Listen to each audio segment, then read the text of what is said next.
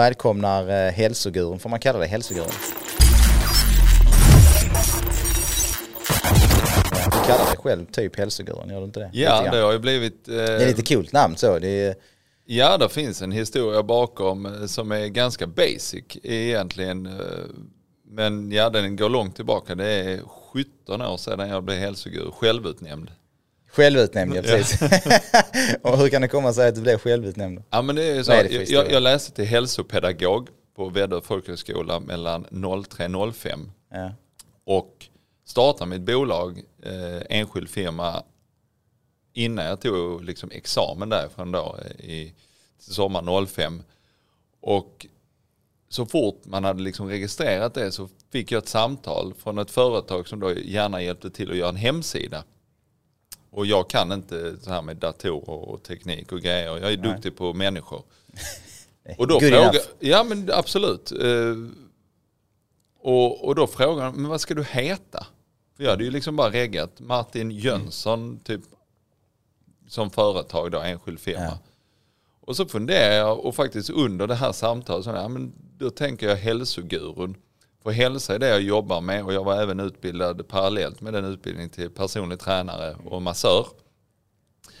Och guru anspelar inte på något sätt att jag tror att jag är en guru bättre än någon annan utan guru anspelar till lite det här österländska att kroppen är hel. Den holistiska synen som faktiskt börjar komma där i på 2000-talet med Kina, Japan, ayurveda, Indien. Eh, Så hälsogurun är, är menat som, jag håller på med hälsa och jag tror på att kroppen fungerar som en är en enhet. ödmjuk eh, version av en hälsoguru liksom. Precis, så inte, i- inte att jag är en guru bättre än någon annan Nej, utan nej, det nej. finns väldigt många duktiga i, i, i Absolut. branschen. Absolut. Eh, att, ja, Men, men du heter ju inte Martin Jönsson idag.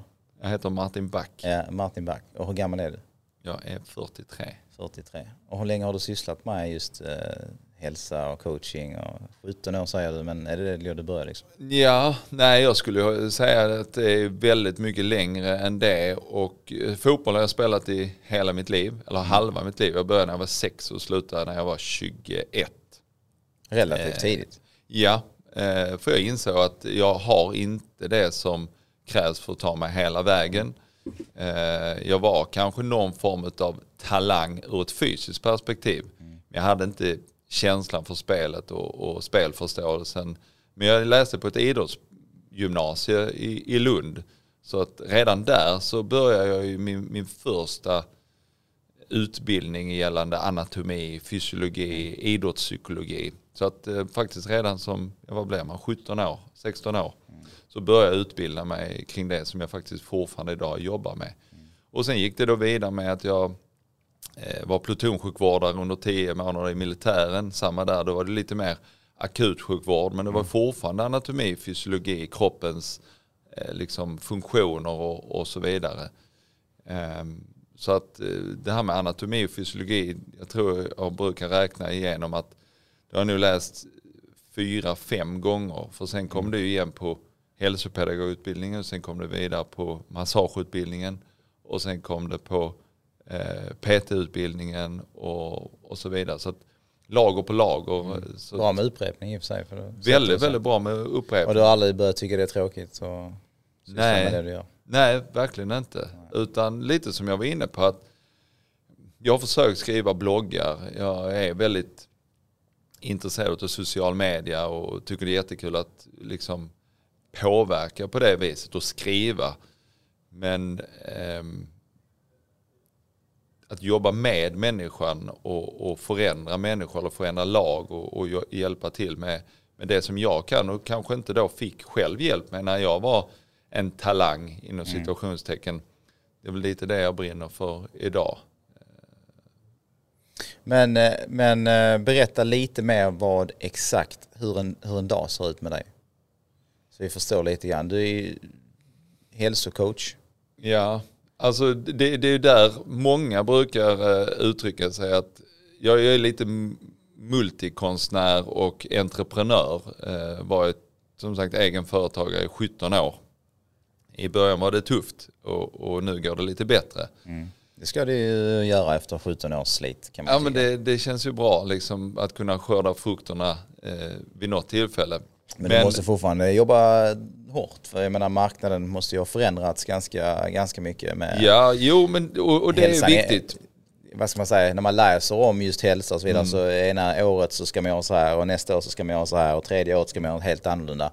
Eh, Det är lite förvirrande för Ja. många där ute som inte kan så mycket. Hur, hur, Och, och, och där kan man säga att där har jag gjort en, en, en personlig resa att från 05 när jag verkligen började jobba som, som PT då, främst PT och massör. Då var ju en dag eh, att jag sålde min tid. Jag träffade en klient åt gången, antingen masserade eller så tränade jag på ett gym. Ehm, och det kan man säga att jag mer eller mindre gjorde på heltid i tio år. 2015 då var jag redo för, skulle man väl säga, att gå över mot det här lite mer online-segmentet som är verkligen inne idag. Då tog det emot fortfarande för mig för att jag var lärd eh, via utbildning och sa att nej men du, du ska träffa din klient, du ska titta hur tekniken ser ut. Ehm, och, och du måste träffas en, två, tre gånger i veckan. Och, och det här fysiska mötet är jätte, jätteviktigt. Så att jag hade, jag hade förutfattade meningar kring vad du faktiskt kunde åstadkomma online. Eh, Jag tror inte många har det egentligen för att när det börjar dyka upp online-coacher så ställer man sig frågan ganska mycket så, ja men hur fan, alltså för de som inte har någon koll, de som behöver den här hjälpen. Hur fan ska han kunna hjälpa mig över Messenger liksom?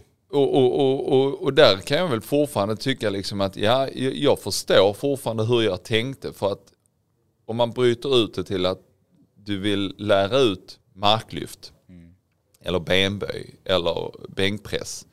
Ja då är väl fortfarande utav åsikten att då är det bra om du träffar din PT eller sjukgymnast eller fysioterapeut. Eller Små justeringar du måste göra så, så, så att det blir och- rätt ja. teknik och, och så när du verkligen vill ta i att du inte lyfter fel. Ja exakt. Men om man då ser till det som hände 2015, det var att jag vet inte hur det egentligen kom till, men då, då skapade jag någonting som hette bootcamp. Eller bootcamp är inte skyddat, det är ju gjort tusen gånger innan säkert och mycket längre och i USA och så vidare. Men då hade jag liksom en tanke att nej men, tänk om jag med min kunskap och mina värderingar och min syn på hälsa kan påverka fler. Eh, för att tiden är slut. Jag var fullbokad och jag tog ganska bra betalt för en timme.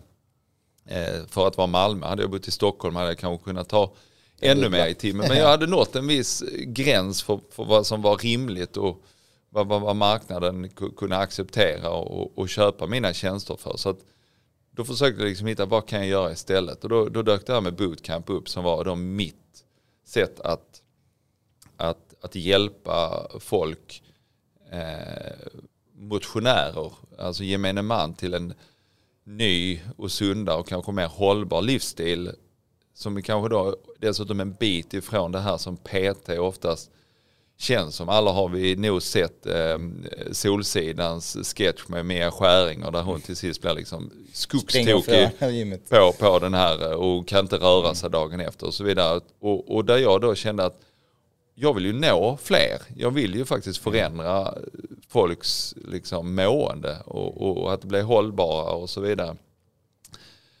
Så då, då, då skapade jag ett koncept som var mer lågintensivt. Eh, 14 000 steg om dagen där alla steg räknar. Du kan cykla, du kan ro, du kan köra crosstrainer. Men du är inte beroende av ett gym. Du är inte beroende av att egentligen ha eh, egna, egen utrustning. Och framförallt behöver du inte passa en tid och en plats och träffa mig. Och ganska snabbt så blev detta här en stor succé för att eh, jag tar 995 kronor eh, för 28 dagar.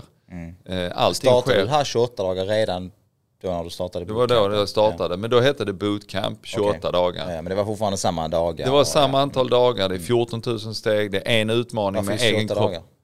Fyra veckor, det är, det är, över, det, det, det är överkomligt att, att ge sig in i ett halvår eller ett år. Det känns så långt så att det är svårt att committa sig för den tiden.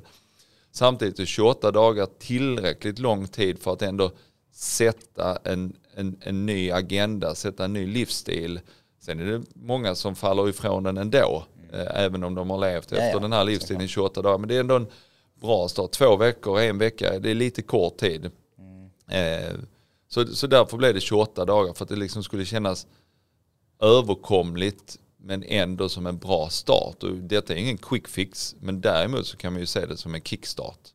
Men det är som du sa innan det här med, bara, vi pratade innan podden startade, mm. om, om maträtt. Och liksom mm. bara mm. addera typ en ny maträtt. Mm. Eh, det gör ju någon typ av förändring med livet. Liksom. Eh, ja. Så kan du bara få någon att liksom bryta mönstret lite grann, gå in och göra fyra veckor av mm. liksom, sitt liv, vilket inte är jättelång tid egentligen. Ju.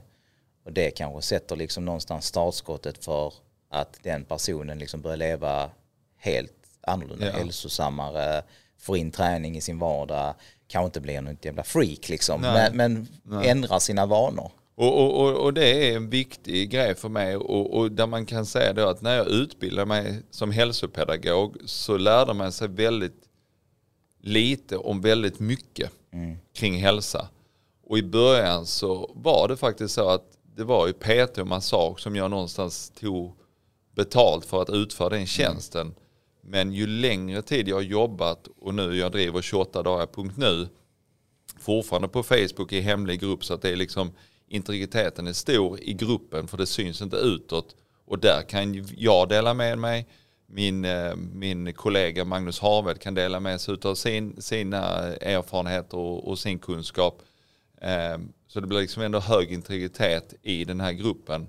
Men där det fortfarande är det här lågintensiva och första steget. Och där det är då stegen, kosten och en, en liten utmaning varje dag för att stärka upp kroppen. Men där då sedan 2015 detta här har utvecklats till någonting ännu mer. För att jag försöker ju ta mig ifrån namnet bootcamp. För det låter lite militäriskt, det är fortfarande det här träna hårt och grit. Det låter och som att du ska committa dig till att göra någonting riktigt jobbigt. Ja, liksom. och, och det, där har kanske jag tappat en del publik som skulle vilja göra det vi gjorde men där namnet kanske inte har varit tilltalande. Nej. Där jag då tror att 28 dagar.nu och det vi marknadsför nu når en ännu bredare grupp för att den yngsta deltagaren jag har haft med har varit 15 år mm. med sina föräldrar men behövt hitta en ny livsstil. Och den äldsta jag har haft med är 72. Mm. Eh, den som har haft lägst BMI har haft någonstans runt 18 och ett halvt och absolut inte behövt gå ner i vikt men behöver hitta en rutin kring mm. träning och, och mat och, och, sömn och stresshantering. Och samtidigt har jag haft med, haft med BMI 42. Mm. Så det är verkligen för alla. Ja, verkligen. Och fastän att upplägget faktiskt är generellt, det är inte personligt skräddarsytt till de 200 deltagare som kanske är med per sån här 28 eh, dagars period. Ehm, så funkar kroppen ganska lika för alla som då väljer att ta 14 000 steg om dagen. Mm. Väljer att äta en viss kost, väljer att göra en utmaning varje dag. Sen är det vissa justeringar.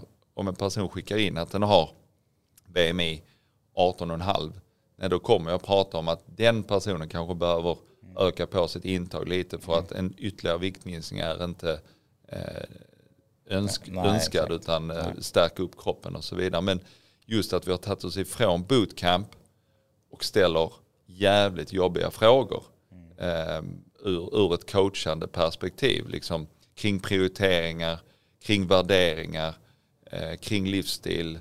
Eh, där, där vi ofta får me, alltså messenger-meddelanden, både jag och Magnus, kring personer som för vi lägger ut fem videos om dagen i den här gruppen. Så här har du istället 28 dagar, två coacher som gör fem inlägg varje dag. Till skillnad från att gå till din PT två timmar i veckan och resten av tiden ska du klara dig själv. Exakt. Så där har ju det här med online verkligen blivit någonting superpositivt. Och till skillnad från att ha din PT två gånger i veckan som lär ut teknik. Men vi har ju personer som inser hur vad ska man säga, dumma de har varit mot sig själv i ganska lång tid. Mm. Och först inser det nu och först blir det ju en chock och du någonstans rasar tornet. Men därifrån kan vi också bygga upp någonting. Bygga det nya liksom. Bygga det nya och inte grotta i det gamla. För att det som Magnus framförallt har myntat och säger att om du inte har en tidsmaskin så är det väldigt svårt att ändra det som har varit. Mm. Vi känner till det, vi har kunskap om det, men framtiden, den kan vi påverka. Och det uppskattar våra deltagare väldigt, väldigt mycket. Att vi inte grottar det som har varit. Inget självskadebeteende kring hur dum jag har varit med, mot mig innan utan vad kan jag faktiskt göra idag? Mm. Ja, det, det viktigaste, viktigaste är ju eh, oftast motivationen. Eh, det, är det som sätter, sätter igång hela processen. Liksom. Mm. Eh, det är väl där man faller in lite grann som en vanlig dödlig. Liksom. Man går till sitt jobb, man kommer hem, har sin familj kanske. Man faller ur ramarna liksom till, till att ta hand om sig själv. Ja, och, och, och, många gånger eh, utan att gå händelserna i förväg och om någon av våra nu lyssnare eventuellt kommer vara med den 5 september som nästa 28 dagars period är. Så en vanlig fråga som vi ställer det är just vem är, liksom, om du skulle rangordna de tre viktigaste personerna i ditt liv så är ju det absolut vanligaste att man svarar sina barn, mm. sina barn, sin man och, och, och sen om man har tre barn och en man så har man ju lite problem. För vem, vem ska jag välja bort? Det går ju liksom inte. Nej. Men någonstans så spelar det ingen roll. För om du nämner ditt barn, ditt barn, ditt barn och du säger att din man inte fick plats. Men hade jag fått välja fyra hade jag valt honom eller henne. Då har du missat helt. För det är du som är den viktigaste personen i ditt liv. Utan dig själv och att du mår bra så kan du inte ta hand om ditt barn, ditt nej, barn, nej, ditt nej, barn och din man. Men och det är där vi vill att folk, utan att bli egoistisk, mm. utan att bli självcentrerad, utan att bli självgod, så måste du inse att du är den viktigaste personen i ditt liv. Om du tar hand om dig själv, då kan du vara det här kärnkraftet, mm. verket och, och hjälpen till människor som du aktar högt och älskar över allt annat. Så det, det är en sån balansfråga där, för vissa människor som man uppskattar väldigt mycket i sitt liv, som man har träffat under sitt liv, som är så här väldigt eh, omhändertagande och tänker oftast på eh, någon annan än sig själv mm. och så vidare. De, de, är oftast de är i det goda rummet oftast liksom, när man tänker tillbaka och den är så snäll den personen. Hon tänker aldrig på sig själv, hon, hon tänker bara på alla andra. Mm. Typ min mamma, bland annat. eh, liksom, de, de borde ju börja tänka mer på sig själv. Ja, och, och Men det, det, det kanske är från person till person. Hur mycket ja. energi har du till att leverera? Vissa har ju inte det. är det så, men men, men du är inne på någonting väldigt, skulle jag säga, väldigt eh, vanligt. Att, att det är, och så får folk tycka att man liksom sätter folk i ett fack eller är väldigt generell eller liksom så här. Men lite det här mammasyndromet. Sen finns det andra, även med alltså män som har mammasyndromet. Just det med att man, man, man tror att man är god om man tänker på alla andra mm. först. Eh, Medan man själv får gås. Det finns väldigt många mammor och pappor där ute som mår extremt dåligt för att de har satt sig själv till sidan i 10-15 år. Ja, man, man stressar till jobbet, mm. man, man, man anser sig inte ha tid att träna för man bör vara hemma med sina barn varenda vaken sekund. Eh, problemet är att om vi tittar på idag med all Eh, Eh, depression, ångest, stress. Eh, så, så är det ju så att om vi tänker på hur vi sover, hur vi äter, hur vi tränar så finns en större chans att stå emot den här stressen. Ehm, men har vi då faktiskt valt bort det och vi har gjort ett aktivt val, det är ingen annan som har valt till oss. Det är det som jag menar att då helt plötsligt när någon ställer frågan, prioriterar du i rätt ordning, tar du hand om dig själv? Blir ju en chock. För att det är ju när du inser att oj, det är jag som har det största ansvaret för hur jag väljer eller hur jag mår. Sen finns det eh, saker som kan påverka som jag kanske inte kan påverka. Men de är få. Många gånger när jag pratar med mina klienter, deltagare, människor som jag möter i föreläsningssammanhang och så vidare. De har de mest märkliga ursäkter till att de inte tar hand om sig själv. Det kan vara alltifrån att hunden är dålig till att barnen har mycket fritidsaktiviteter till att mannen eller frun jobbar mycket eller att jag har det jobb jag har med det pendlingsavståndet eller en chef som inte tar hand om mig som gör att jag är låg på energi när jag kommer hem till vem som styr Sverige eller corona eller någonting. Mm. Och då har man ju missat helt att ja det kan vara jobbigt att byta jobb. Det kan vara jättejobbigt att skilja sig. Det kan vara jättejobbigt att sälja hunden om hunden är det som gör att den tar all min tid och jag kan inte ta hand om mig själv. Men det är fortfarande ett val. Jättesvårt, lätt för dig och mig att säga att men, sälj hunden så får du mer tid. Jag fattar att det är svårt. Men du har alltid ett val, nästan alltid ett val. Det enda jag brukar säga är att du inte får, sälj inte barnen. Nej, det svårt. Det är inte okej. Okay. Men okay, annars är det ganska mycket som du, på, eller nästan allt som du, mm. du kan påverka. Och, Man sätter sig i en sån situation lite omedvetet ibland. Det går en viss tid liksom och, och så här, jag, jag, hur många år som helst liksom. Mm. Och så har det helt plötsligt hamnat i det facket och så är det så jäkla svårt att ta sig ur. Och, och så är och så det. har du glömt liksom vad dina passioner är och, och, och sen kommer du in som du säger i en depression. Mm. Du börjar må sämre liksom och börjar du må sämre i depression, ja hur jävla bra pappa är du då liksom? Mm. Hur bra sambo är du då liksom? Det. Nej och, och det är väl det jag hoppas att jag kan hjälpa mina deltagare med att om, om du vill vara en bra mamma eller pappa mm. eh, istället för att vara vi pratar ofta om det här med älska din nästa så som dig själv. Mm. Om vi pratar kärlek, nu blir detta kanske lite flummigt och väldigt filosofiskt och långt ifrån Peter-grejen. Men om vi tar det budordet då utan att man behöver vara kristen, älska din nästa så som dig själv.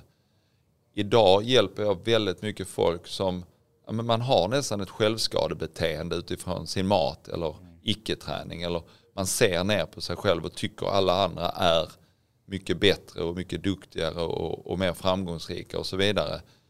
Om vi då tänker oss att du älskar dig själv 60% utav vad som är möjligt eh, med självaktning och så vidare. Då blir ju 60% det du kan ge din nästa. Mm. Då är du alltså 100% av 60% när du tar hand om dina barn eller är med din man eller är på ditt jobb eller är med dina vänner. Så jag vill ju att du först och främst ska älska dig själv. Ta hand om dig själv för då kan du också ge 100 av 100 till dina barn eller din man eller på ditt arbete eller till dem du vill hjälpa utan att förgås. Så att, och än en gång, liksom det är ju det som är min förhoppning att ha kunnat gjort den resan under sju år. Från att ha 20-30 personer i en sluten Facebookgrupp och kalla det för bootcamp 28 dagar till att nu 28 dagar.nu är någonting helt annat. Och någonting som jag upplever inte finns eh, finns på marknaden. Att, att det är unikt. Det finns jättebra bootcamps där runt om och PT som hjälper till med kostschema, träningsschema mer individuellt än vad, än vad vi gör.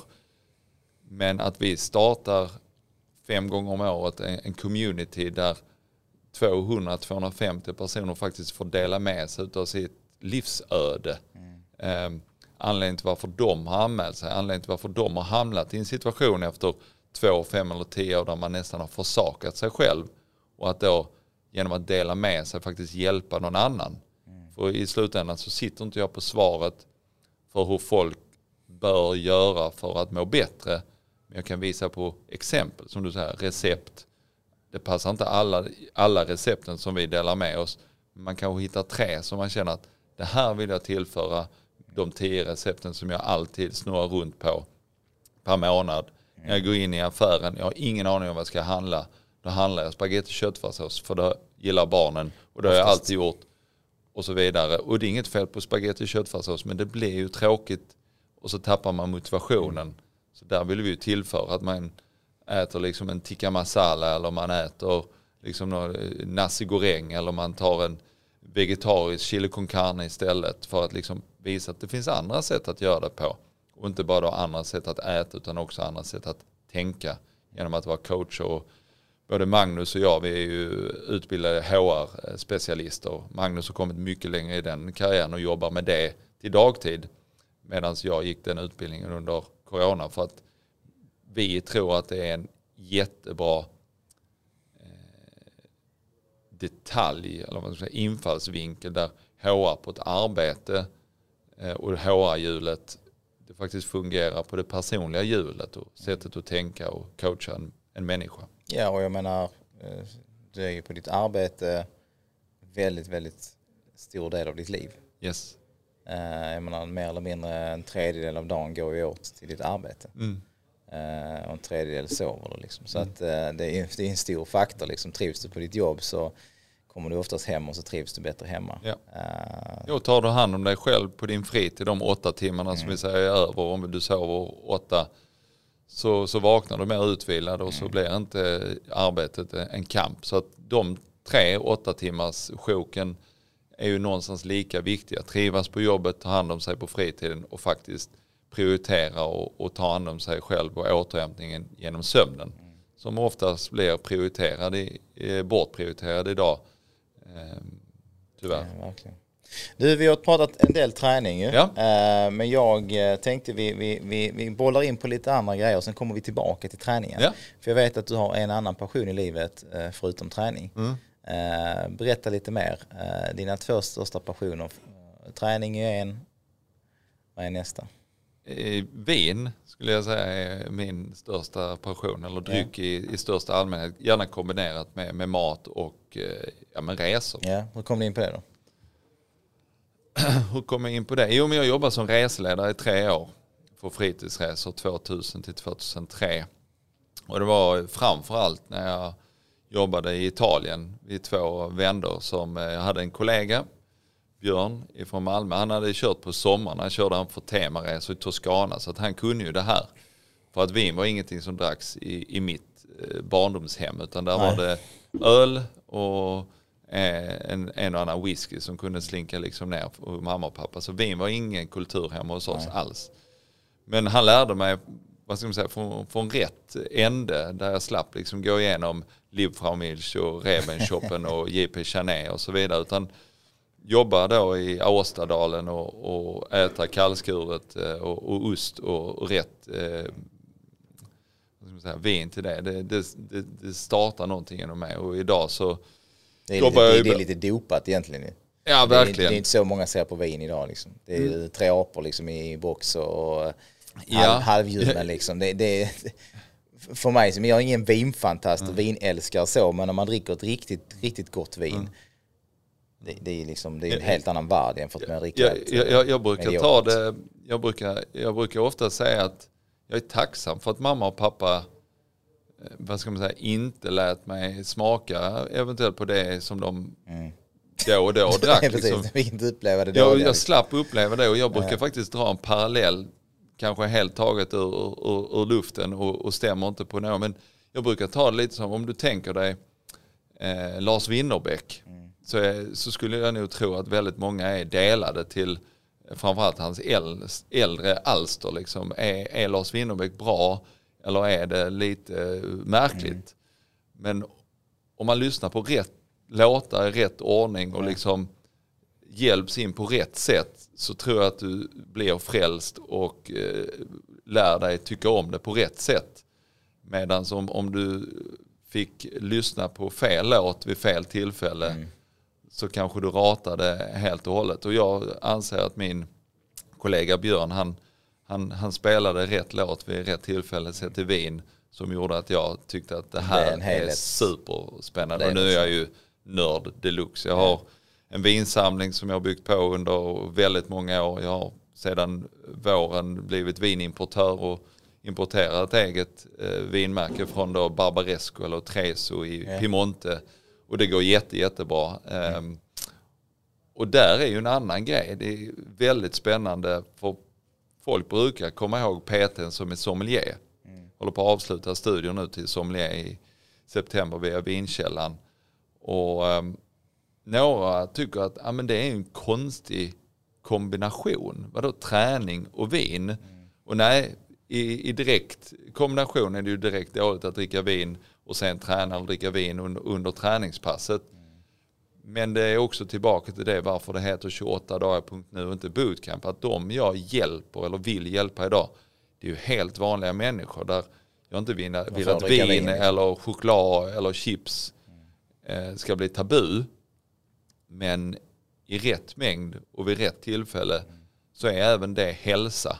Att, att njuta utav, eh, nej men som sagt. Ja, den, du, du mår ju oftast en- bra när du får njuta av ett glas vin eller en chokladbit. och och, och i, i, i rimlig mängd liksom, och vid rimligt antal tillfällen. För att om vi backar till det här med 28 dagar punkt nu så har vi ett ätarfönster en gång i veckan. Oftast på lördag kväll. Och då kan du dricka ditt glas vin med gott samvete. Och kanske komma ifrån det här som, nu spelar vi in detta här i början på augusti. Väldigt många människor, inklusive jag själv, har ju druckit vin var och varannan dag de sista två månaderna. Och ju bättre väder vi har längre in på hösten så är det väldigt många som har svårt att bryta den trenden fastän att man har gått tillbaka till jobb.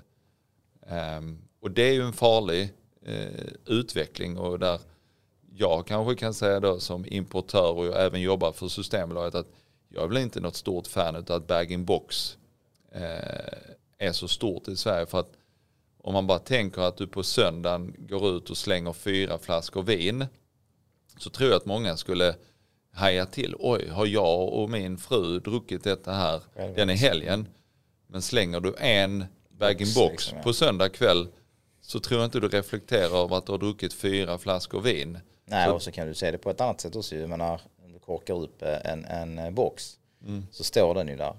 Om du korkar upp en vinflaska vill du ju oftast dricka upp den direkt. Ja, Korkar du upp en till då så börjar du tänka, okej nu är det inne på tvåan här. ja. Men en box Ja, men- kan ju stå där en så, hel så, helg. så där liksom. tror jag, så i, ut, utan ytterligare åsikter om, om bag-in-box och själva Mm. innehållet så tror jag tyvärr att mängden ökar eh, när du inte, Det är bra för priset, dåligt för hälsan. ja men jag tror tyvärr det. Mm. Ja men det kan ju ligga lite i det Så, faktiskt. men till en konfirmation eller Ja, bröllop och när det är mycket förstås. folk Ja, ja. så är det utmärkt liksom, Perfekt. förpackning. Eh, men för Men ha inte en konsumtionen och box mängden. hemma stående själv i din lägenhet. Nej, en för du får inte samma känsla för om jag har druckit ett, två eller tre glas Nej. idag torsdag Nej. eller tisdag eller så här.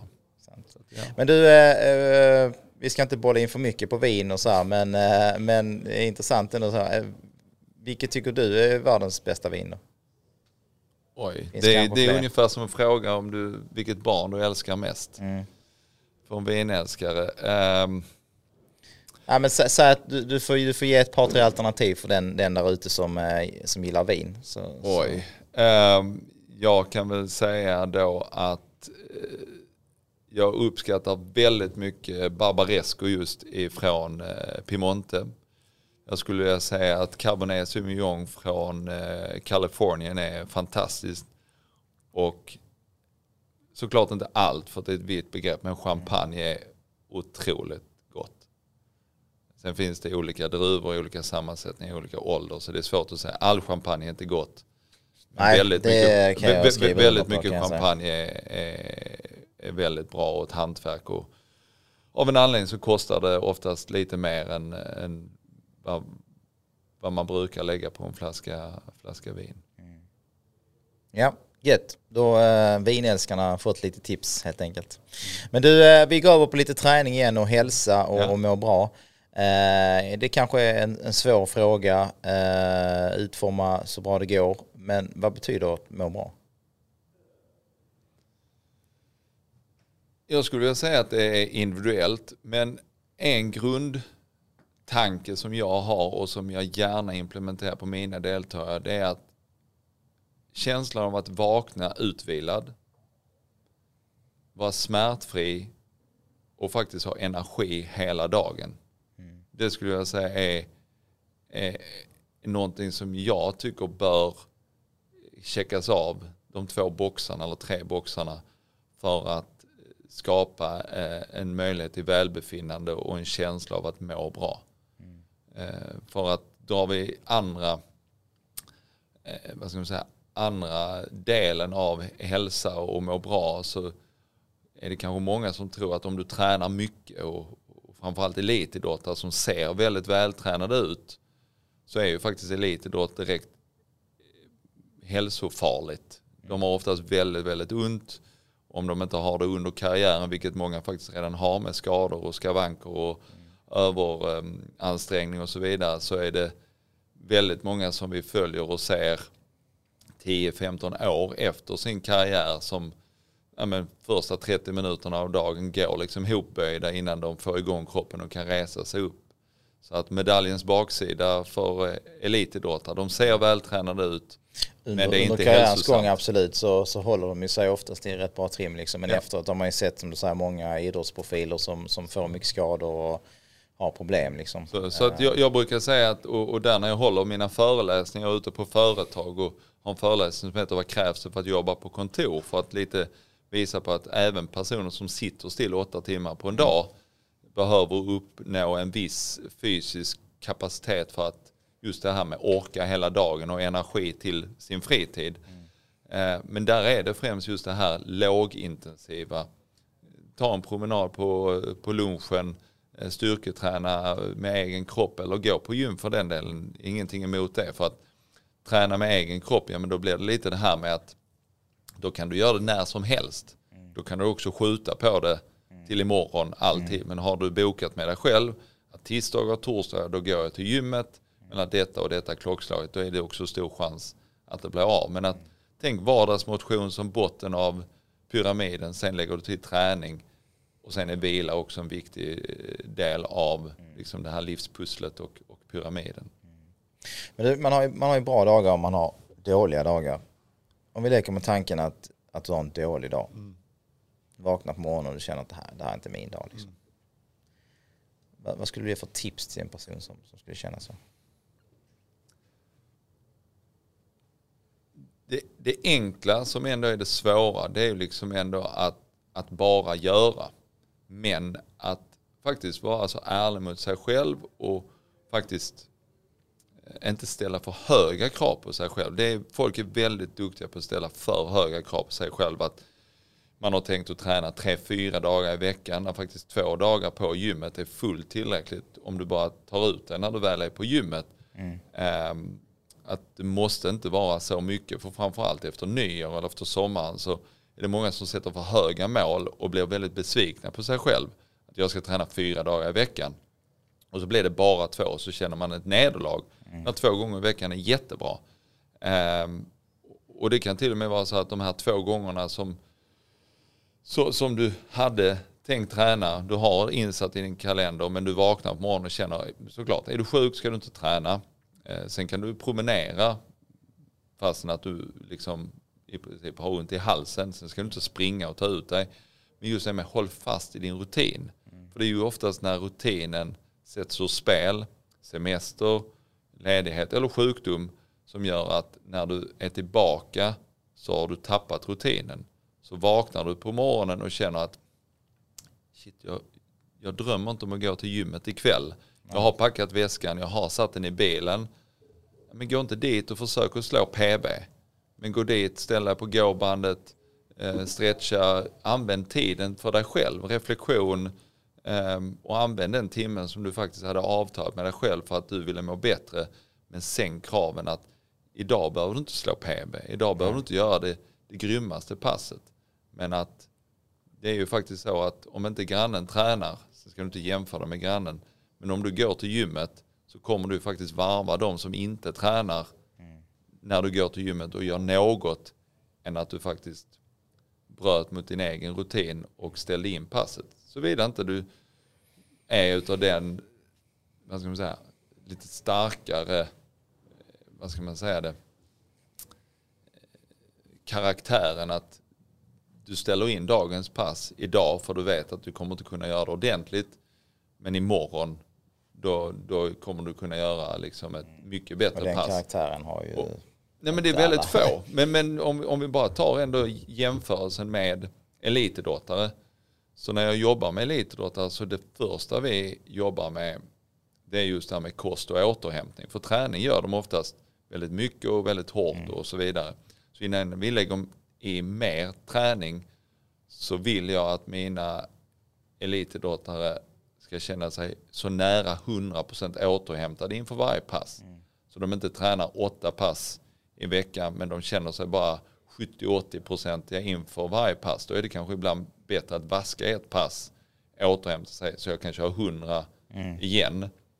Men framförallt då börja öka på återhämtningen, kosten så att de blir 100%. Alltså mm av den anledningen är du utav den karaktären att du känner att idag kommer inte jag kunna ta ut mig så som jag vill och jag vill bara träna två gånger i veckan.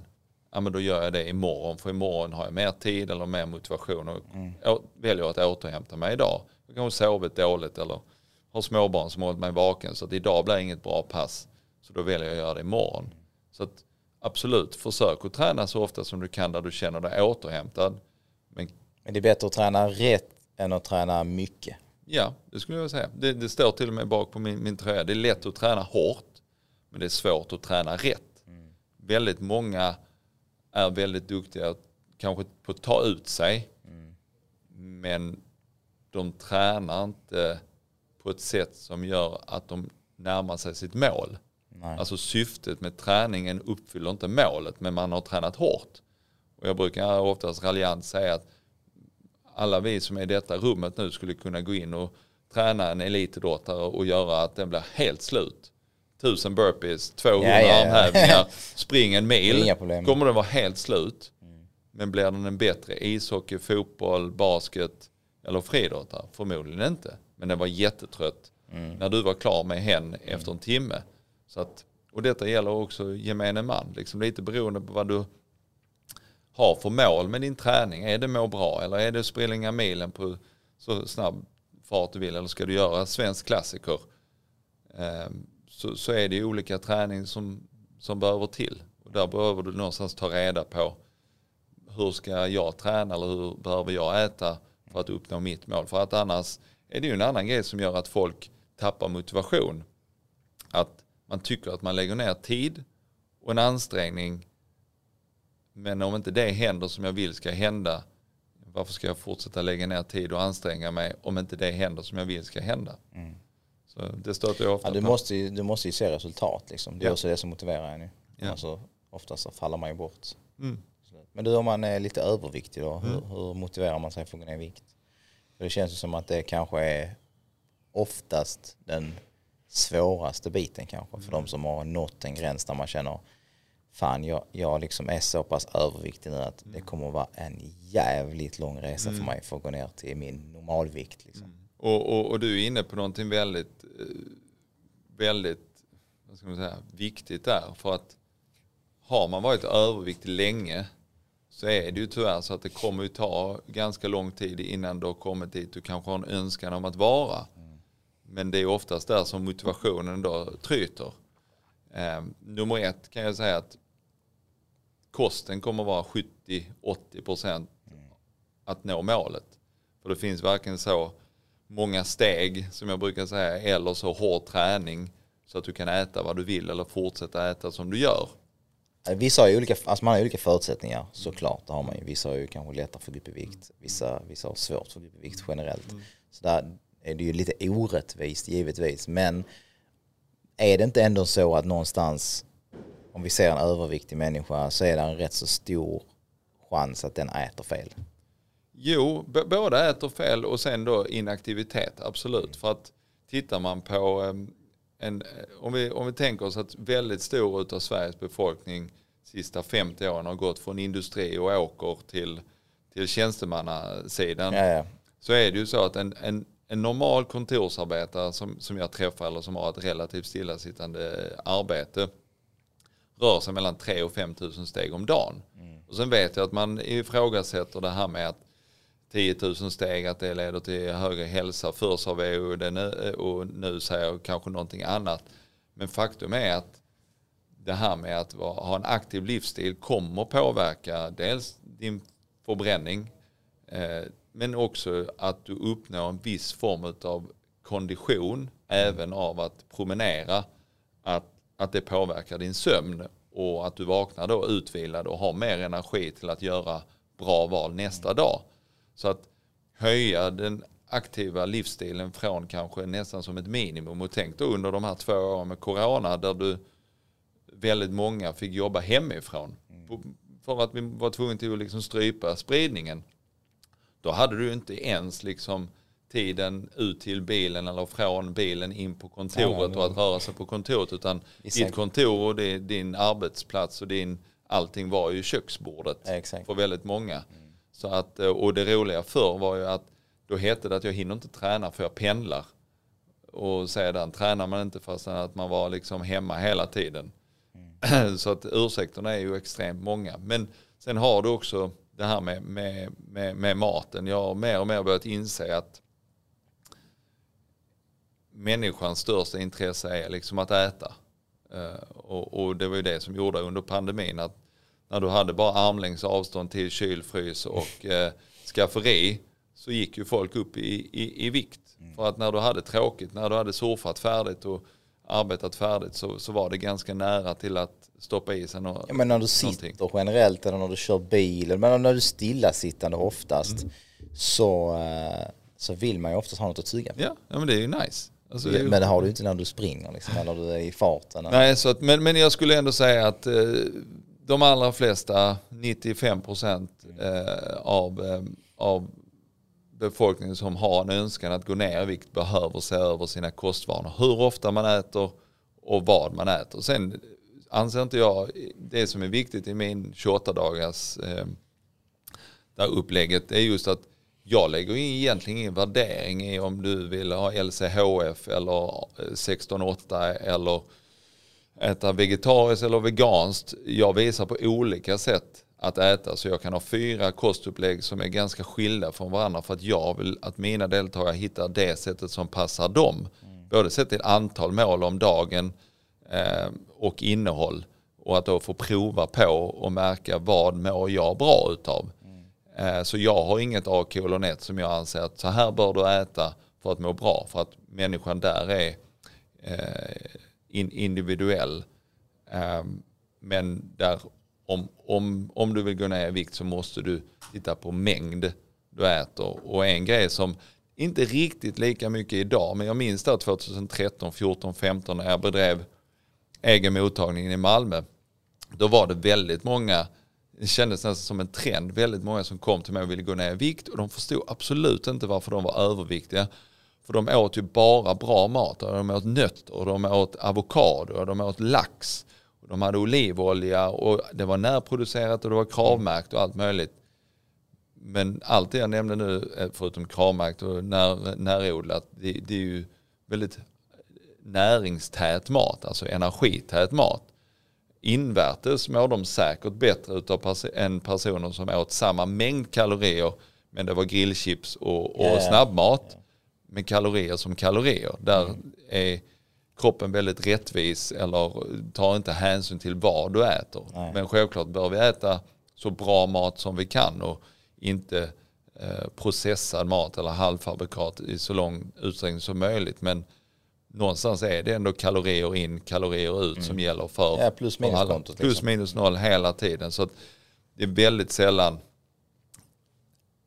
folk som jag har hjälpt, alltså under mina nu som sagt 17 år som, som PT så är det väldigt sällan som jag möter någon som har alltså ett metabolt syndrom, alltså där ämnesomsättningen är satt så ur balans så det spelar ingen roll vad de gör. Nej. Men det är jävligt skönt att ha det som ursäkt när ingenting mm. händer.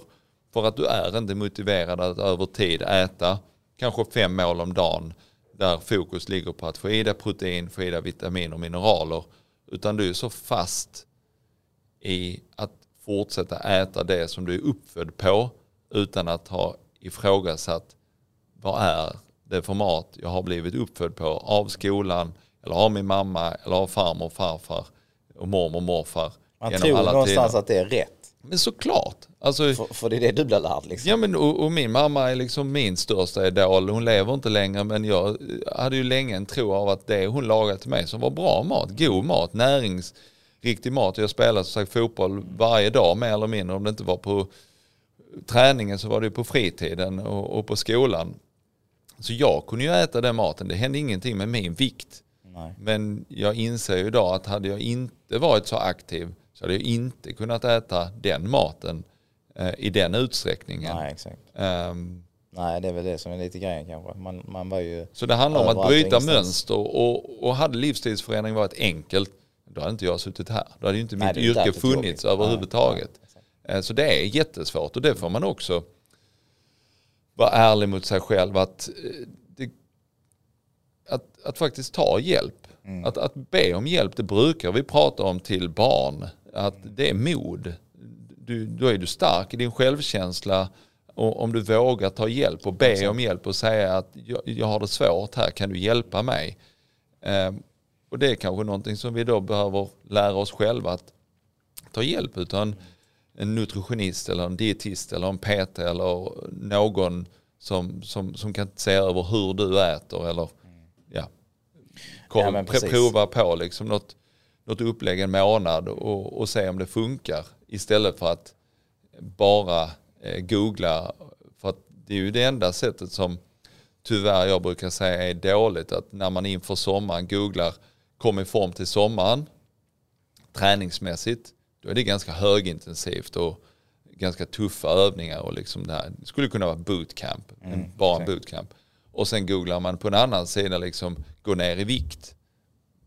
Ofta så korrelerar inte de med varandra och det är då det finns en risk för liksom det här med överträning eller utbrändhet och så vidare. För att du måste någonstans eh, utgå från vad du gör och vad du äter. Och det är därför som väldigt mycket av min filosofi är att eh, det här lågintensiva och gärna mycket av det för att eh, ja, kunna gå ner i vikt om det är det som är din önskan tillsammans med att då äta och vara mätt hela tiden. För att folk som tror på att, att, att äta väldigt lite, ja du kommer gå ner i vikt. Men att vara hungrig, det är typ hjärnans absolut sämsta känsla. Yeah. Alltså man blir dum i huvudet och en ganska dålig människa när du är ja, hungrig. Det första du tänker på är ju, är ju någonting eh, socker. Uh... Ja, eller bara äta och ofta så förknippar vi med att om du är hungrig att du har låg energi, då vill du ha upp energinivån och så vidare. Samtidigt som jag försöker att säga, men hunger är inget farligt. Alltså alla vi som är här, vi har någonstans mellan förmodligen 8 och 10 kilo fett på kroppen. Mm. Vilket är tillräckligt med energi för att klara sig 30 dagar utan att äta. Vi skulle behöva dricka, få i oss någon salter ja, och någonting för ja. att inte förgås. Ja. Men rent energimässigt kommer vi inte eh, uppnå någon form av energibrist på väldigt, väldigt länge. Nej. Men ja, biologiskt vill vi äta. Ja. Kroppen vill ju äta, hjärnan vill äta. Så det är ju mer en, en, en sysselsättning snarare än ett, ett fysiologiskt behov. Eh, men eh, ja, och det är ju väldigt svårt att bryta. Så att eh, främsta tipset som jag har liksom att utan att småäta hela tiden försök undvika vara eh, hungrig. Det vill säga hoppa inte över måltider som du har planerat in. Sen om du inte vill äta frukost, mellanmål utan bara äta lunch och mår bra av det, kör på det. Men är du en person som behöver äta någonting klockan 10 för att annars mår du typ dåligt, du blir en dålig människa. Ta reda på vad bör jag äta vid den tidpunkten för att äta bra och då slippa de dåliga tankarna, känslorna. Behålla energin hela dagen man Ha energi hela dagen. Du, vad är, vad är det värsta du varit med om i ditt liv? Det värsta jag har varit med om i mitt liv? Inom, överhuvudtaget? Generellt. Nej men faktiskt, jag har ju redan nämnt det här men 2009 eh, miste jag min mamma i cancer. Mm. Och man kan tycka att det är sjukt orättvist. Eh, sen var hon rökare sen 17 års ålder. Hon dog av lungcancer. Men det finns ju de som har rökt sedan de var 15 och lever till de är 90. Så att min mamma var min eh, ledstjärna. Jag är dyslektiker och hade ett helvete i skolan. Lära mig alla basämnena. Men där fanns alltid mamma vid, vid min sida. Och eh, att mista henne när jag bara var 30 år. Eh, min eh, förstfödde son Hamilton var bara tre månader. Det, det kommer alltid vara det värsta som har hänt mig. Och som kommer sitta i länge. Hur gammal var hon när hon gick bort? 52 ja, det, är, det är ingen ålder liksom. Nej. Det, är Nej. det är 70 knappt en ålder idag. Liksom. Samtidigt så är hon min ledstjärna för att om vi går tillbaka till det här med att försaka sig själv och, och lura sig själv och komma med ursäkter. Så samma där, om man flummar ut lite och, och, och, och tänker på att du kan lura dig själv och du kan argumentera inför dina vänner eller de, de du känner om varför du gjorde som du gjorde så brukar jag ibland tänka eh, vad hade mamma tyckt om jag gjorde det här? Och då helt plötsligt kan jag inte lura mig själv längre. För Nej. det är ganska tydligt. Jag vet ungefär vad min mamma hade tyckt om någonting. Så någonstans så blir det ändå en ledstjärna för att hon, Mm.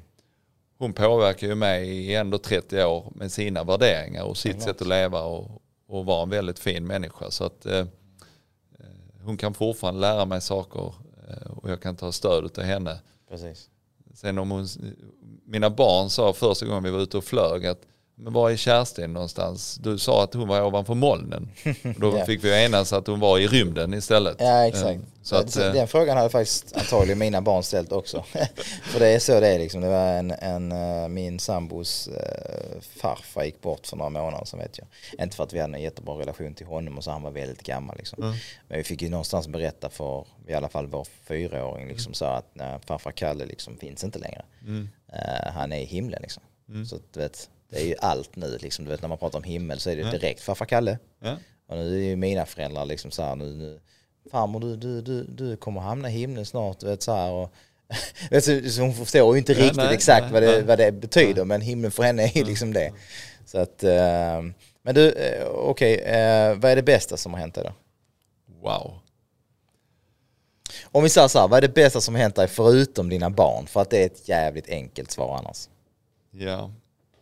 Ja, men då, då, då blir det egentligen det andra faktiskt mest givna svar. För att det är ju så att eh, kvinnan jag lever med idag, Emma, eh, är då eh, inte barnens mamma. Mm. Så jag har två barn och två bonusbarn. Ehm, så att eh, jag tror, och vi har, vi har varit tillsammans nu åtta år, gifta i sex. Mm. Eh, och hon är också då skild och har barn med, med en annan. När man skiljer sig, och detta är inte någon uppmuntran till att alla ska skilja sig. Vissa har det jättebra när, när, man lever med i, Vi kommer att kalla detta avsnittet för skilsmässoavsnittet. Ja, det är hemskt. Men, och vi har pratat om det innan, att du får lov att, att skilja dig. Och så här. Men jag tror att när du skiljer dig, så nästa person du träffar så är du väldigt, väldigt, väldigt strikt med vad du står för. Du kompromissar kanske inte i riktigt lika stor utsträckning för att du vet vad du vill. Eh, Det är för inte du, har, du, du har redan provat liksom. Mm. Och där blir det fantastiskt måste jag säga att, eh, att, att bli älskad för det man är. Eh, med de fel och brister man har och inte försöka bli ändrad på. Det, det, det är det bästa som finns. För det är också då du kan vara dig själv.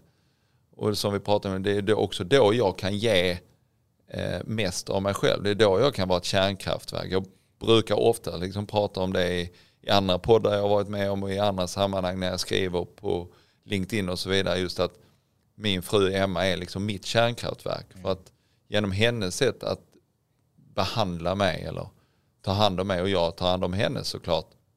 Så blir vi den bästa versionen av oss själva. Och då kan jag också ge mer till mina barn och till mina klienter Och till mina energi. kollegor och ge energi. Mm. Så att, eh, att träffa eh, henne för åtta år sedan, det, det måste vara det bästa som har hänt mig. Kul.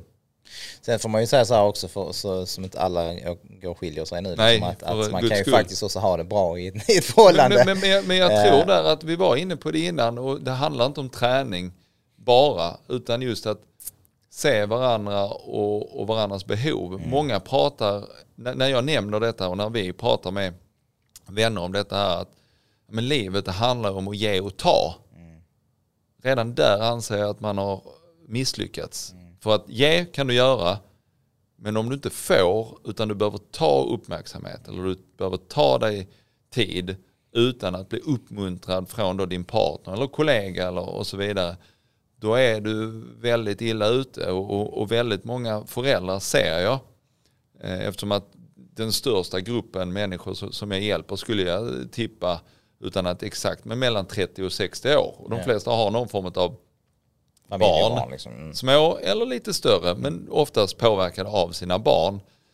Att vänta med att ta hand om sig själv eller sin relation tills barn har blivit stora och flyttat hemifrån, då har de 15 åren har gjort att relationen har blivit skadad och dålig och den är inte riktigt lätt att, att reparera Nej. efter 15 år. Så att eh, om, om vi inte kallar det för separations eh, och, och skilsmässopodden så snarare vårda relationen i relationen för det är väl fantastiskt. Och jag önskar att jag hade mina barn på 100% men när jag inte har dem på 100% nu så finns det ju faktiskt 50% där jag har en fantastisk möjlighet att ta hand om min, min fru eller, och, och, och partner. Och om du nu har turen att leva med dina barn 100% hela tiden och inte behöva sakna dem, att fortfarande ta tillvara på möjligheten att se din partner och ta hand om din partner så ni mm. kan vara liksom den här grymma familjen som, som ses hela tiden. Ni kan åka iväg, behöver inte fråga om lov, eh, har liksom Nej, alla möjligheter. Men många gånger så, så, så, ser man inte möjligheten utan man ser att shit, alltså det utrymmet finns inte. Ni har tur som liksom onsdag kväll utan barn kan, kan göra, liksom äta en middag utan att bli störda. Ja, men, ta hjälp av farmor, farfar, granne, kompisar. Om det är nu den tiden, ja, ja, två absolut, timmar ja. restaurangbesök som, mm. som ni behöver prata igenom.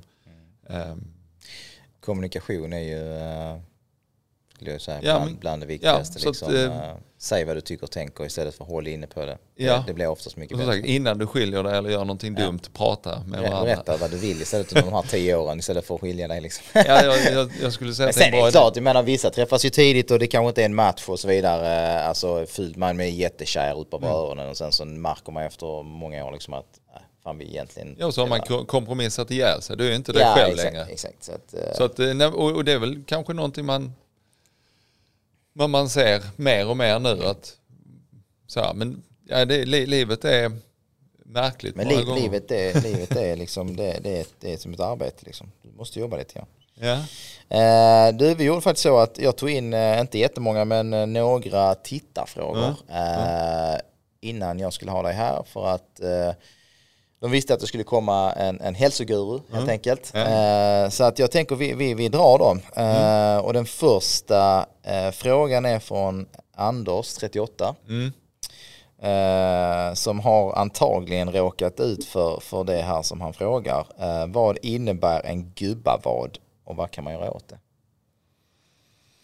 Gubbevad, alltså det roliga jag har till och med att... 38 år gammal. Ja och, och, det är ännu sjukare brukar jag säga. Jag har haft vid minst två tillfällen har jag haft eh, kvinnor som har kommit och för dem är det om möjligt ännu värre. De har liksom googlat på deras symptom alltså. och så kommer de liksom bara, alltså hjälp mig, jag är 42 eh, och har gubbvad. Alltså herregud.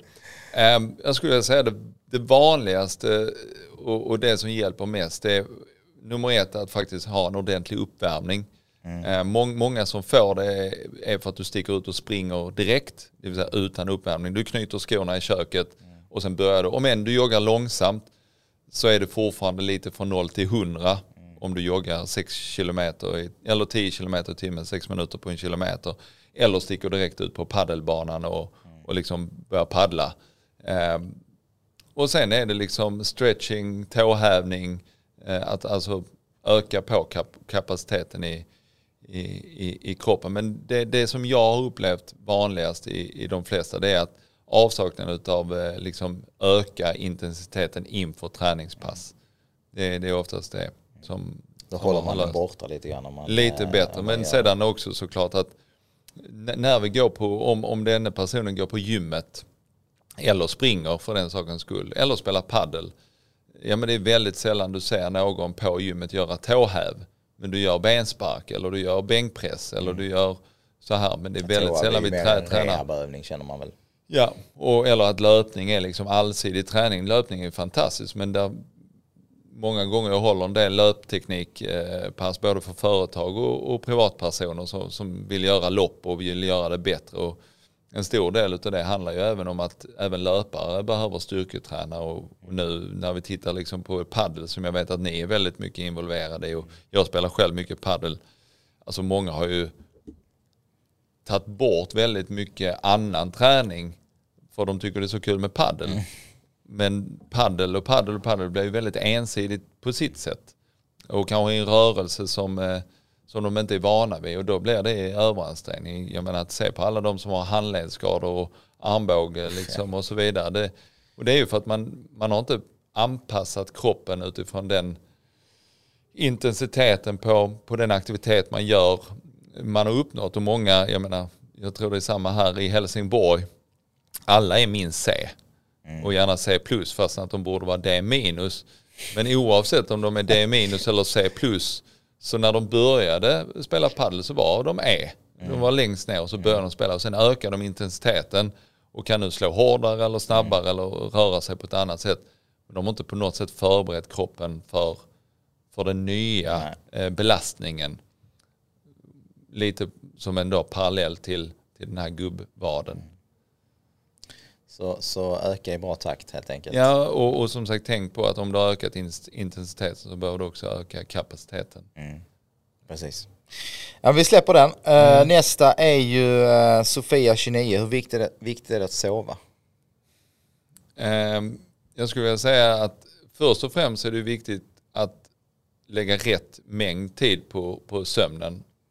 Och jag skulle tippa på väldigt många idag som upplever en trötthet på dagen är för att de har eh, slarvat med sömnen. Det är vanligt idag att den här gruppen som jag pratar om, 30 till 60 år, att de bara sover en 6-6,5 timmen. Och, och det, det funkar om du är i ganska bra fysisk form för att kondition och sömn är ganska hårt korrelerade, alltså hur mycket djupsömn och hur mycket REM-sömn du får eh, på dina timmars sömn. Eh, sen finns det andra faktorer som påverkar kvaliteten i sömnen. Men jag skulle vilja säga att igen, oavsett hur mycket eller lite du sover idag, ta reda på hur mycket du, du sover och sen gör egentestet. Är du utvilad när du vaknar på morgonen, ja men uppenbarligen så sover du tillräckligt. Är du däremot väldigt trött i slutet av dagen så kanske du ändå ska titta på, sover jag tillräckligt i natt? När du har ökat på mängden sömn om det är det som behövs och det fortfarande inte hjälper, ja men då kan det vara så att du, du sover mycket men du är så stressad så det blir aldrig någon bra djupsömn. Eller att det kan hänga ihop med att du är så pass otränad rent fysiologiskt så att fast att du sover åtta timmar så räcker ändå inte sömnen för kvaliteten blir för dålig. Så att det finns ju massa appar och, och i aktivitetsklockor och så vidare så finns det ju väldigt bra mätinstrument. De är eh, rätt så liksom, eh, vad ska man säga, Pålitliga. Relativt pålitliga skulle jag säga. Och du, du, du ser ganska snabbt, om du har druckit alkohol så ser du direkt att sömnen har varit sämre och pulsen har varit högre. Ehm, Du, du ser ganska snabbt om du har sovit för lite att stressen är lite högre nästa dag. Eh, Så där finns en korrelation. Eh, Så sömnen är jätteviktig och framförallt någonting som både vuxna men också eh, ganska tidigt i tonåren som inte av- alltså, man, man, man missbrukar och inte sover tillräckligt. Nej men det känner man själv om man har haft en dålig natts sömn liksom. Man är ju inte bra dagen efter. Man klarar sig oftast Man- på, man eh, klarar på något sig sätt och- men man, man, eh, man är liksom, eh, energin är ju inte på topp oftast. Nej, och samtidigt så är kroppen fantastisk där att av olika anledningar kanske det är så att du inte får mycket mer än sex timmars sömn per natt om det inte är självvalt att du, du såg ett avsnitt Bron eller Games of Thrones till och så blev klockan halv ett och därför blev det bara fem timmars sömn. Då är det självvalt. Men säg att du funkar på det och ändå kan upprätthålla en bra och du känner inte dig sliten nästa dag. Så när du väl får sovit åtta timmar eh, eh, en, en natt så blir det någonstans att du har jämnat ut så du behöver liksom inte sova i kapp.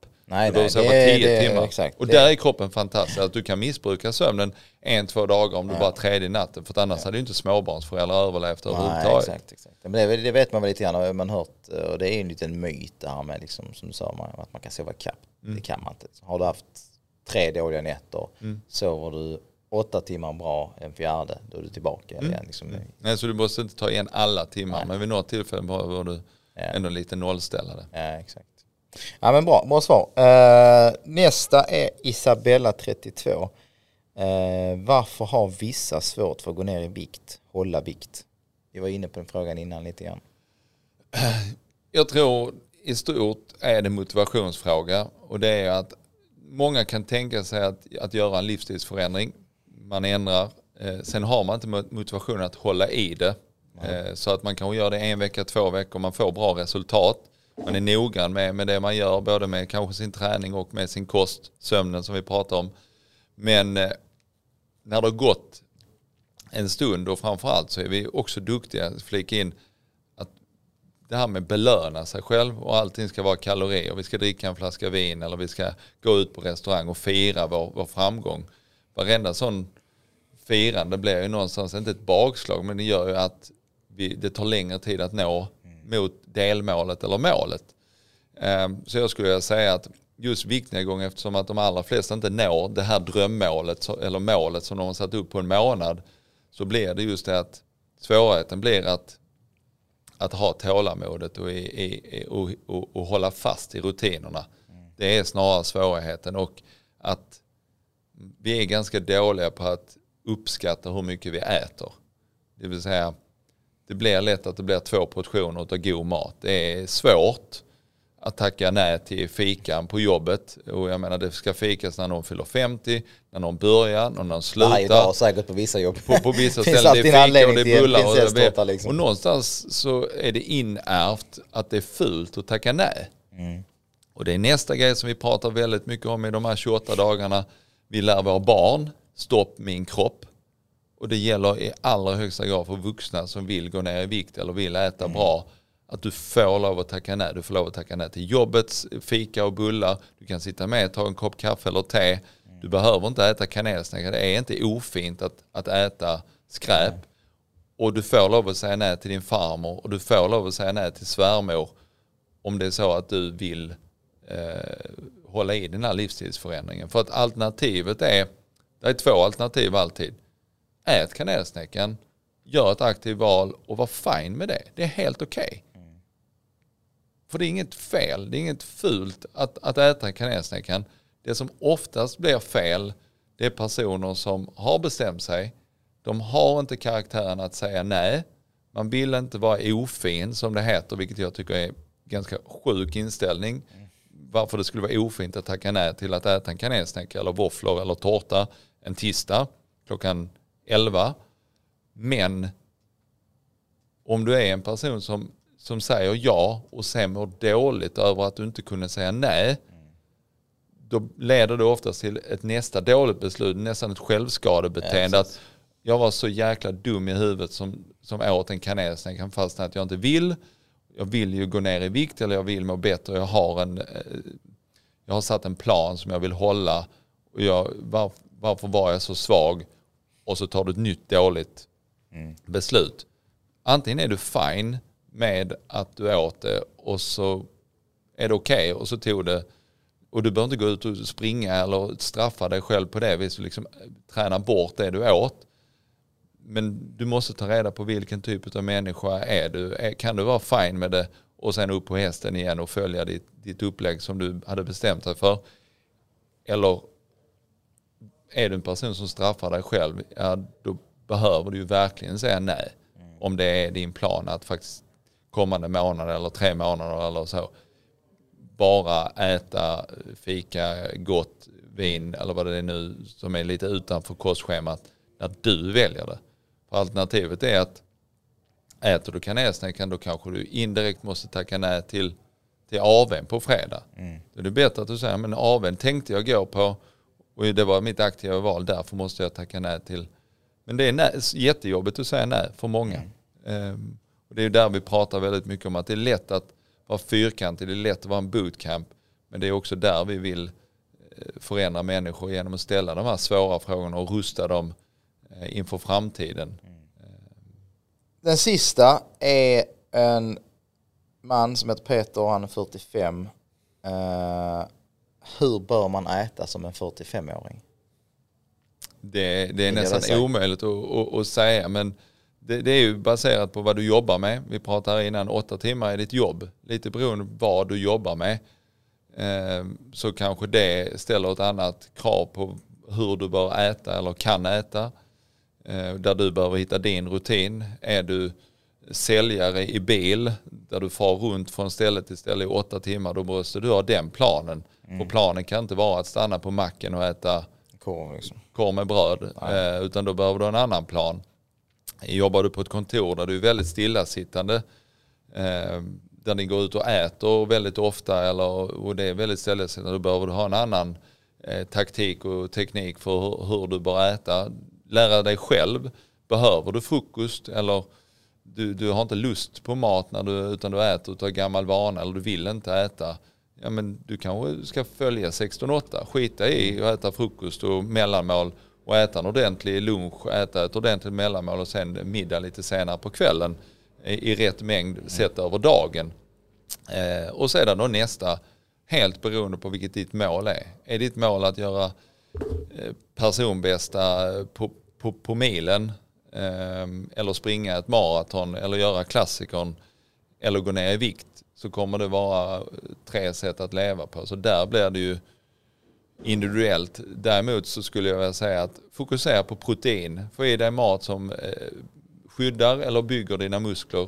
Få i dig vitaminer och mineraler eh, för att någonstans öka eh, immunförsvaret och, och ge kroppen de, de minsta beståndsdelarna. Fokuserar du på det så kommer det här med kolhydrater och fett lösa sig på ett ganska naturligt sätt utan att behöva väga och mäta.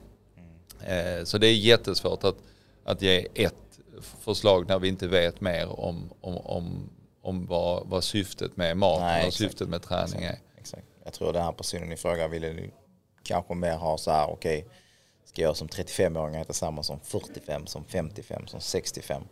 Det är min uh. hållning och det finns säkert personer som är inte eniga. Jag skulle vilja säga om min filosofi ser till att faktiskt alla deltagare i, i mitt upplägg äter samma mängd och, och, samma mat. Sen kan du välja, är du vegan behöver du inte äta Nej. kött.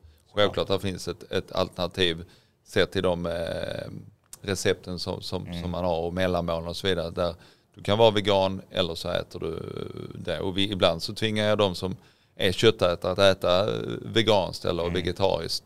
Just för att prova på det och liksom få ytterligare en, eh, ett redskap i verktygslådan. Men om vi utgår från det man gör under de här 28 dagarna, om vi håller oss till det, att du går 14 000 steg om dagen, du gör en utmaning om dagen som till exempel kan vara 100 armhävningar. Du kan göra de 100 armhävningarna spritt över hela dagen. Och, ehm, och eh, det är liksom det vi vet. Mm. Då gör ju alla samma.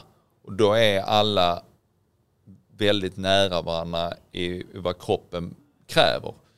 För att det är ju en jättevanlig fråga som jag får. Ja men jag väger 120 kilo. Ska jag verkligen äta samma som en som väger 65? Mm. Vad det väger du 120 så vill du kanske inte väga 120 om du har anmält dig. Nej. För skulle vi ta personer utanför bootcampen, att vi säger att 60 kilos tjejen som är 65 tränar väldigt mycket. Um, bodypump, springer eh, och är aktiv, går på lunchpromenader, går på morgonen eller går på kvällen så kommer ju hen, hon, ha mer förbrukning än en 120 kilo som sitter på kontor mm. och i övrigt inte är aktiv.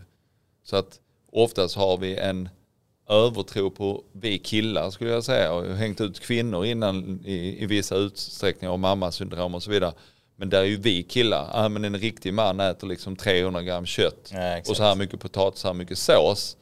Eh, och oftast eh, om du går in så blir du ju förbluffad över vad du äter i en byggbod idag när du är murare eller snickare eller målare.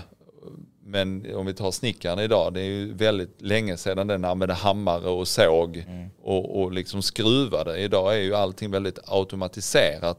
Men maten de äter är exakt likadan som när en snickare faktiskt var ett högintensivt och väldigt krävande yrke. Mm. Jag säger inte att det är min, alltså okrävande idag. Det är fortfarande så att Nej, du inte sitter på kontor. Det är liksom, fortfarande liksom, hantverksyrke. Men på många punkter så övervärderar vi män hur mycket vi faktiskt behöver äta. Mm. Eh, där kanske mindre människor som är mer aktiva faktiskt behöver mer än större människor. Så att behovet är baserat väldigt mycket på vad du gör under de vakna timmarna. Ja men det är bra. Eh, vi ska börja runda av lite mm. grann. Eh, vi har babblat på eh, länge. Mm. Eh, det som jag sa från början, det, det brukar, eh, brukar bli ganska länge. Hoppas att inte de sover nu, de som eh, De sover antagligen inte, ja. för det har varit bra grejer eh, och det är ett stort ämne framför ja. allt och då ja. blir det väldigt svårt att kanske ja. hålla, det, hålla det kortare. Mm. Men jag tänkte vi skulle, vi skulle avrunda med lite eh, fem myter om träning.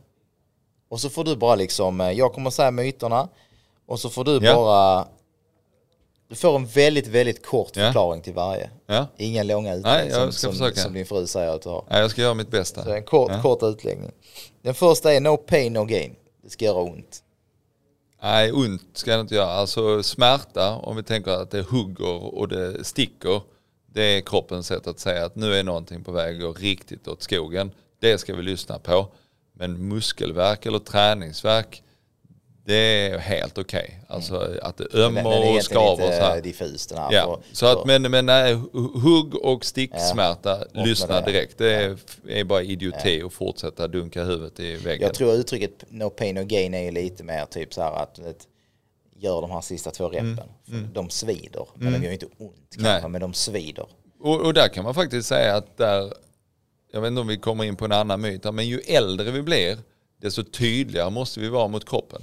Då måste vi, för att bibehålla muskelmassa i äldre ålder, så behöver vi verkligen göra de två sista repetitionerna och bli riktigt slut.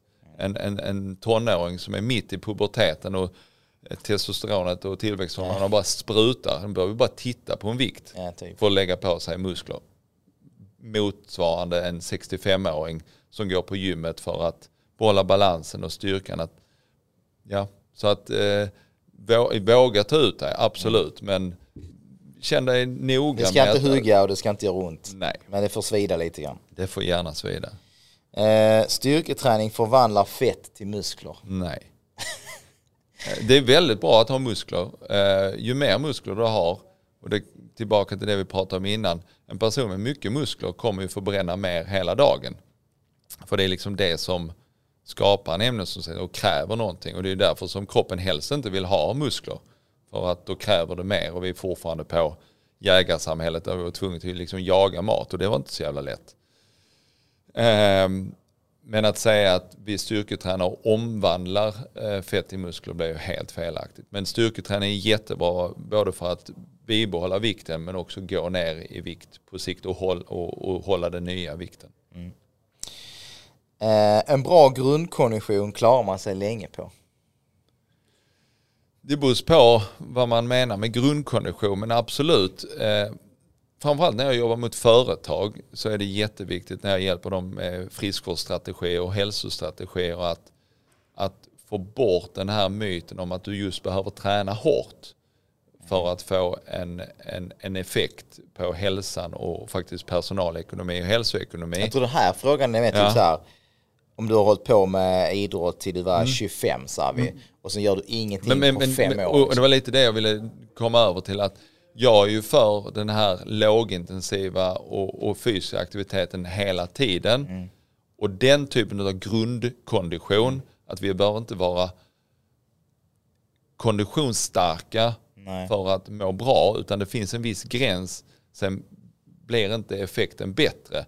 Men på det frågan så som man ofta ställer att var du jättevältränad när du var 20 och inte gör någonting på 20 år så har du ingen kondition kvar. Nej. Sen kanske kroppen adapterar, alltså tar till sig träningen när du börjar träna igen. Då har man sett i vissa studier och, och, så vidare. att Har du tränat eh, så finns det ett, eh, men ett muskelminne och, en rutin att komma Ja. in i det. Men det är just tillbaka till den här rutinen. Är du, har du rutinen i, i 15 år som ung, att ha tränat fyra gånger, så har du större chans att komma tillbaka till den rutinen och lägga ner tiden en person som vill börja träna men aldrig varit aktiv. Men att säga att kondition försvinner väldigt fort och muskelmassa försvinner väldigt fort Ja, om du slutar träna. Eh, väldigt, väldigt fort. Ja, men det, det, det har man erfarenhet av själv liksom. Man har hållit på med innebandy på högsta nivå och kunde liksom göra intensiva en minuters byte och liksom återhämta sig på två minuter in igen en minut 100% intensivt. Det är att lägga ner karriären och sen testa spela innebandy igen efter x antal år. Nej men alltså så jag är var det ju. helt körd när det så kom är det till ju. just den konditionen. Jag, jag springer väldigt mycket för tillfället eh, och, och jag kan ju bara känna att eh, fast jag är i bättre konditionsform rent nu att springa från punkt A till punkt B, 5-10 kilometer längre, så kastar du in mig i, i en eh, old boys fotboll som är start och stopp. Alltså det är ju pingislunga. Yes. Alltså du, du blir ju trött direkt. Så så att, stjärnor liksom efter... ja, så att eh, nej, och det är väl där också det här med gubbbaden och skadorna i padden tillbaka kommer igen. För att du minns hur vältränad du var när du var 25 och nu är du 45. Snacka om man lever på gamla meriter. Och så går du in och gör det för att du minns ju hur eh, atletiskt och vig och, och liksom koordinationen eh, ändå funkade fast att kanske fotbollsspelare och innebandyspelare inte kända för att ha bäst koordination, ko- koordination så hade du ändå en fungerande kropp. Ja, ja, och när du då ska göra det utfallet i, i padden, ja då bara händer allt. Liksom. Du, nästa myt. ja, Eh, är du lite äldre ska du inte träna intensivt. tvärtom. Jag skulle vilja säga att som, ju äldre du är desto tydligare måste du vara mot kroppen för att du ska få en effekt. Och, och det är där tyvärr det blir en, en psykologisk spärr. För att jag har jobbat väldigt mycket på gym, stora gym och gymkedjor. Och man såg ju alltid där att ju äldre eh, klienten blev och, och, och, och, gästen på gymmet, desto försiktigare blev de för de ville inte skada sig. För man hade hört det här med att styrketränare, du gör fel, då skadar du. De gick ju dit för att de inte ville skada sig och, och så här. Så att jag skulle vilja säga ju äldre du blir, eh, ta reda på hur du ska träna i just den apparaten eller övningen och sedan där våga göra de två sista repetitionerna så att du verkligen blir trött. Gör hellre liksom åtta repetitioner jättetungt än att göra 15-20 repetitioner och faktiskt kunna fortsatt gjort 17 eller 25 Ja, repetitioner. Det vill säga du gjorde träningen och den träningen är någonstans bibehållande. Men, men ändå om du inte skickar rätt signal till hjärnan så kommer ingenting hända och det finns en väldigt eh, duktig och känd eh, liksom, tränare som brukar kalla det för ETG, endast tiden går. Det vill säga du går till gymmet men det du gör och lägger ner tid på där ger inte någon större effekt. Och som vi pratade om innan, det är kanske första steget till att tappa motivationen. För händer ingenting när jag är där, varför ska jag vara där? Det kan vara roligare att ta en öl med polaren eller spela golf eller läsa en bok. Så att alla, men ju äldre du blir, våga ta ut det. I löpningen, i cyklingen, i styrketräningen. Absolut. Ja, men bra. Eh, sista myten. Du måste träna minst tre gånger i veckan om det ska göra någon nytta. Jag brukar säga att på tränar du en gång i veckan då bibehåller du någonstans det du har byggt upp. Då pratar vi motionärer. Att du, du brukar styrketräna, du brukar konditionsträna, löpa. Vissa veckor får du inte till eh, tre dagar i veckan eller två dagar i veckan. Om du bara tränar, och lite det som vi var inne på, om du vågar ta ut dig och liksom tränar intervaller eller styrketräning så att du faktiskt blir slut. Då kommer du i stor utsträckning behålla den kapacitet du har byggt upp om du tränar en dag i veckan. Då behöver du träna en gång kondition och en gång eh, styrketräning eller på något sätt kan vara samma pass också. Men där du verkligen sänder rätt signal till kroppen att det här var jobbigt, du måste bibehålla det jag har byggt upp. Så det är endast när du tränar noll gånger i veckan som du får en degenerering av kroppen, det vill säga att du tar ett steg tillbaka. Två dagar i veckan, beroende på vilken nivå du är, det vill säga ju mer vältränad du blir så kommer inte två dagar heller räcka utan att få en negativ utveckling. Men just det här med alla de som sätter eh, pressen eller målet att träna tre dagar i veckan, de tror att om jag bara tränar två dagar i veckan så är inte det lönt. Nej. När två dagar i veckan faktiskt till och med kan ge en positiv utveckling på både styrka och kondition. Eh, då blir det dumt att ställa kravet och tro att jag måste träna tre dagar i veckan. Eh, så att, och jag menar ett konditionspass kan i princip vara 30-40 minuter intervaller. Så det, det är nästan myt att du måste träna minst en timme. Det finns Nej, ju jättemycket Nej, men träning. återigen, träna rätt. Träna rätt, våga ta ut Ja. dig. Eh, och är det inte en dag då du känner dig på ditt max, gör träningen. Mm. Och orkar du inte göra 110 och verkligen ta ut dig, men gör 80 för då kommer ändå den träningen göra någonting. Mm. Framförallt höll du fast i din rutin. Så du inte Exakt, man bryter din inte ut rutin. och- Så att nej, tre dagar i veckan behövs verkligen inte för de flesta. Nej. Vill du bli elitidrottare kommer det krävas mer. Ja, Men för oss absolut, vanliga dödliga Nej. som, som vill springa något lopp då och då eller styrketräna för att må bra och, och vara skadefria så, så, så räcker två till tre dagar i veckan utmärkt. Två dagar i veckan är ju faktiskt rätt många gånger per år. Det blir väldigt mycket. Jämfört med att inte träna överhuvudtaget. Så. Ja. Men du, eh, eh, jättebra. Eh, vi ska faktiskt runda av. Mm. Eh, vi, vi, har babblat på länge, men väldigt bra. Mm. Eh, I samband med det här avsnittet eh, så tänkte vi ha en liten tävling där vi lottar ut en plats till Martins 28 dagar.nu. Vi säger inte bootcamp för det håller på att förändra lite grann. Men du ska förklara lite här snabbt vad det innebär. Så att det ni måste göra i så fall det är att gå in och följa oss på våra sociala medier Gå in och prenumerera på vår YouTube-kanal och även det viktigaste av allt är att kommentera om eh, du ska ha den här platsen eller om du vill ge bort den här platsen till någon annan. Skriv i så fall en liten eh, förklaring till varför. Eh, och sen så ska Martin bara få berätta lite, lite kort eh, vad var ni ska följa honom och vad det är ni får. Mm. Jag går jättegärna in och följ mig på Facebook, hälsogurun Martin Back, den sidan. Och det du får eh, genom den här utlottningen av Be at your best. Det är en plats alltså med start 5 september. 28 dagar.nu. Du förväntas ta 14 000 steg eller mer. Följa de fyra olika kostuppläggen som kommer ett nytt varje vecka och där kostschemat kommer ut på torsdagen. Så du har gott om tid att förbereda dig inför nästa måndag. Och sedan då göra en utmaning varje dag som tar ja, men någonstans mellan 5 och 15 minuter men då utspritt över hela dagen eh, rent fysiskt. Yeah. Plus att du får då fem inlägg om dagen utav två otroligt motiverande coacher som eh, vill ta dig från nuläge till önskat läge. Ja.